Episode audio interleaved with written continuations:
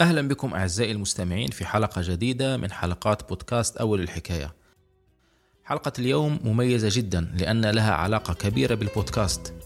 فإذا كنتم تستمعون إليها فإنكم تستمعون إلى صوتي مسجلا وليس على المباشر. فهل تساءلتم يوما عن حكاية الصوت المسجل وكيف ظهرت فكرة تسجيل الأصوات وإعادة الاستماع إليها؟ إن تسجيل الأصوات يعتبر واحدا من أهم الاختراعات التي توصل إليها الإنسان. والجميع يعتبر المخترع الأمريكي توماس إديسون أول من نجح في تسجيل الأصوات وإعادة سماعها وذلك بفضل اختراعه للفونوغراف عام 1877 لكن في الواقع إديسون لم يكن أول من فكر في تسجيل الأصوات فقد سبقه بحوالي عشرين عاما رجل فرنسي يدعى إدوارد ليون سكوت دو مارتينفيل هذا الرجل كان يعمل في الطباعة وبيع الكتب وكان مولعا جدا بالتدوين وتسجيل كل شيء على الورق.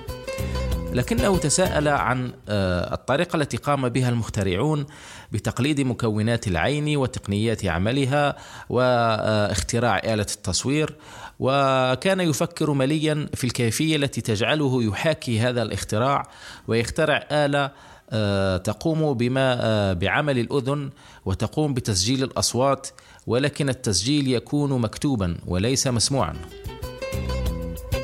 وكان دو مارتنفيل يعني مؤمنا جدا بهذه الفكرة وبإمكانية تسجيل الصوت في حال تقليد نظام عمل الأذن. وتصور آلة تفعل للأذن ما تفعله الكاميرا للعين. ورغم أنه لم يكن مختصا يعني في في مجال الصوتيات إلا أن حبه للمطالعة والعلوم جعله يجري ابحاثا عديدة في هذا في هذا المجال رغبة منه في التوصل إلى طريقة تمكنه من تسجيل الأصوات. وخلال أبحاثه التي دامت حوالي خمس سنوات ركز بشكل كبير على مكونات الأذن أذن الإنسان ودور غشاء طبلة الأذن في تسجيل الأصوات وسماعها. واستمرت أبحاثه إلى غاية عام 1857 الذي أعلن فيه عن اختراع جهاز يسمى الفونوتوغراف. هذا الجهاز نجح في تدوين الموجات الصوتية على شكل انحرافات وتموجات مرسومة على الورق. لكن الغريب في الأمر أن دو مارتنفيل لم يفكر أصلا في سماع ما سجله بل سعى إلى إنشاء سجل ورقي للكلام البشري وكان يؤمن أنه يمكن فك شفرته لاحقا. هذا الاختراع الفونوتوغراف يعني لم يلقى رواجا كبيرا وباء بالفشل في ذلك الوقت ولم يحقق أي أرباح لمخترعه الذي تخلى عن المشروع وعاد لمهنته الأساسية وهي بيع الكتب وتوفي في عام 1879 دون أن يتمكن من سماع الصوت الذي سجله.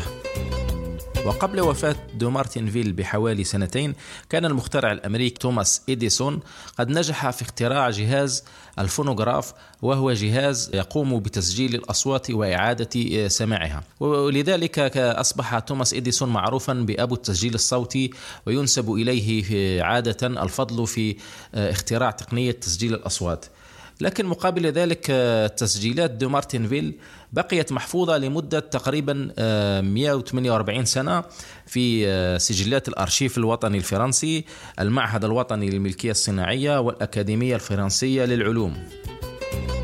أما التاريخ الفارق بالنسبة لاختراع دو مارتنفيل فقد كان في شهر مارس من سنة 2008 عندما اكتشف عدد من مؤرخي الصوت الأمريكيين تسجيلا صوتيا بصريا مدته عشر ثواني آه، يقال أنه لفتاة تؤدي أغنية Au clair de la lune آه، أي على ضوء القمر. وهذا التسجيل يعود إلى يوم 9 أفريل من سنة 1860 التسجيل في الحقيقة يعني لم يكن من الممكن إعادة تشغيله لذلك تم تحويله إلى مختبر آه، في كاليفورنيا. قام بتحويل هذا التسجيل البصري إلى تسجيل صوتي يمكن سماعه وذلك باستعمال آه، يعني برامج حديثة وتقنيات رقمية. كما قامت صحيفة نيويورك تايمز الأمريكية في مارس من العام نفسه يعني 2008 بنشر موضوع عن هذا الاكتشاف الذي قام به علماء الصوتيات الأمريكيين آه، والذي كان يعتبر اكتشافا تاريخيا لأنه حدد نقطة البداية تقنية التسجيل الصوتي وتقديرا لأهمية هذا الإنجاز يعني قامت مكتبة الكونغرس الأمريكي بإدراج كل تسجيلات سكوت دي مارتنفيل في سجل التسجيلات الوطنية وذلك في عام 2011 وتبعتها اليونسكو في عام 2015 بإدراج هذه السجلات في سجل ذاكرة العالم.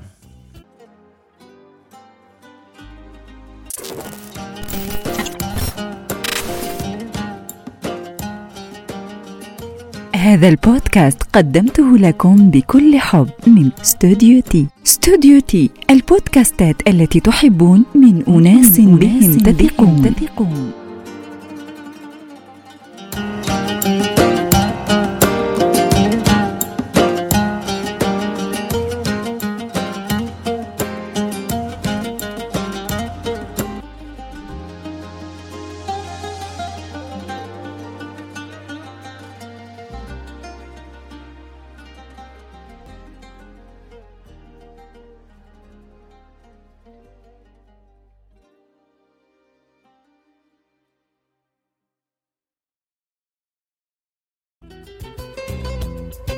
فسأتحدث قليلا عن آه، اختراع الذي قام به توماس أديسون في سنة 1877 وهو جهاز الفونوغراف.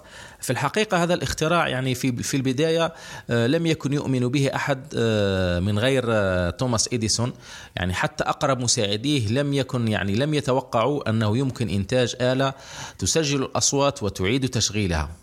لكن إديسون كان واثقا جدا من من اختراعه ومن ومن جهازه الجديد وعندما قام بتجربته أمام مساعديه وأدى أغنية أطفال مشهورة في ذلك الوقت هي Mary Had a Little Lamb كان الجميع يضحكون وكانوا يستهزئون بهذا الاختراع ولكن عندما قام إديسون بتوقيف الجهاز وإعادة تشغيل التسجيل الصوتي وسمعوا صوته بوضوح وهو يؤدي هذه الأغنية اندهشوا كثيرا آه، إلى درجة أنهم آه، أطلقوا عليه لقب آه، الساحر لأنه جاءهم باختراع لم يكن يتصوره أحد من قبل. وبعد ذلك اشتهر توماس إديسون بلقب آخر هو ساحر منلو بارك وهي نسبة إلى المختبر الذي مختبر أبحاثه الذي أنجزه في في مدينة تدعى منلو بارك آه، بولاية نيو جيرسي آه، وأصبح هذا اللقب ملازما له آه، طيلة حياته وفي الأخير أنا شخصيا أعبر عن امتناني الشديد لمن ساهم في تقنية أو في اختراع التسجيل الصوتي لأنه منحني شرفا عظيما بالتحدث إليكم وتقديم حلقات بودكاست أول الحكاية وأتمنى أن تكون هذه الحلقة قد أعجبتكم وألتقي معكم في حلقات قادمة إن شاء الله.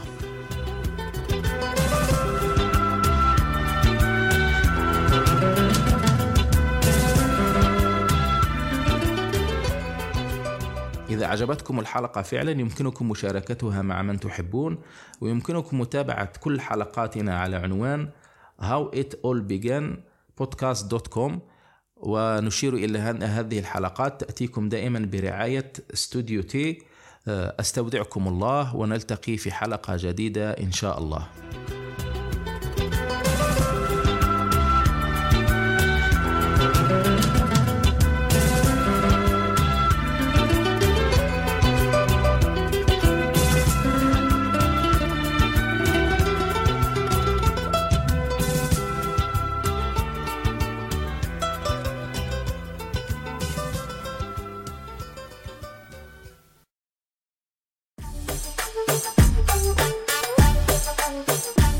هذا البودكاست يأتيكم من استوديو تي حيث الإبداع لديه صوت. لتحصل على المزيد زر استوديو تي dot FM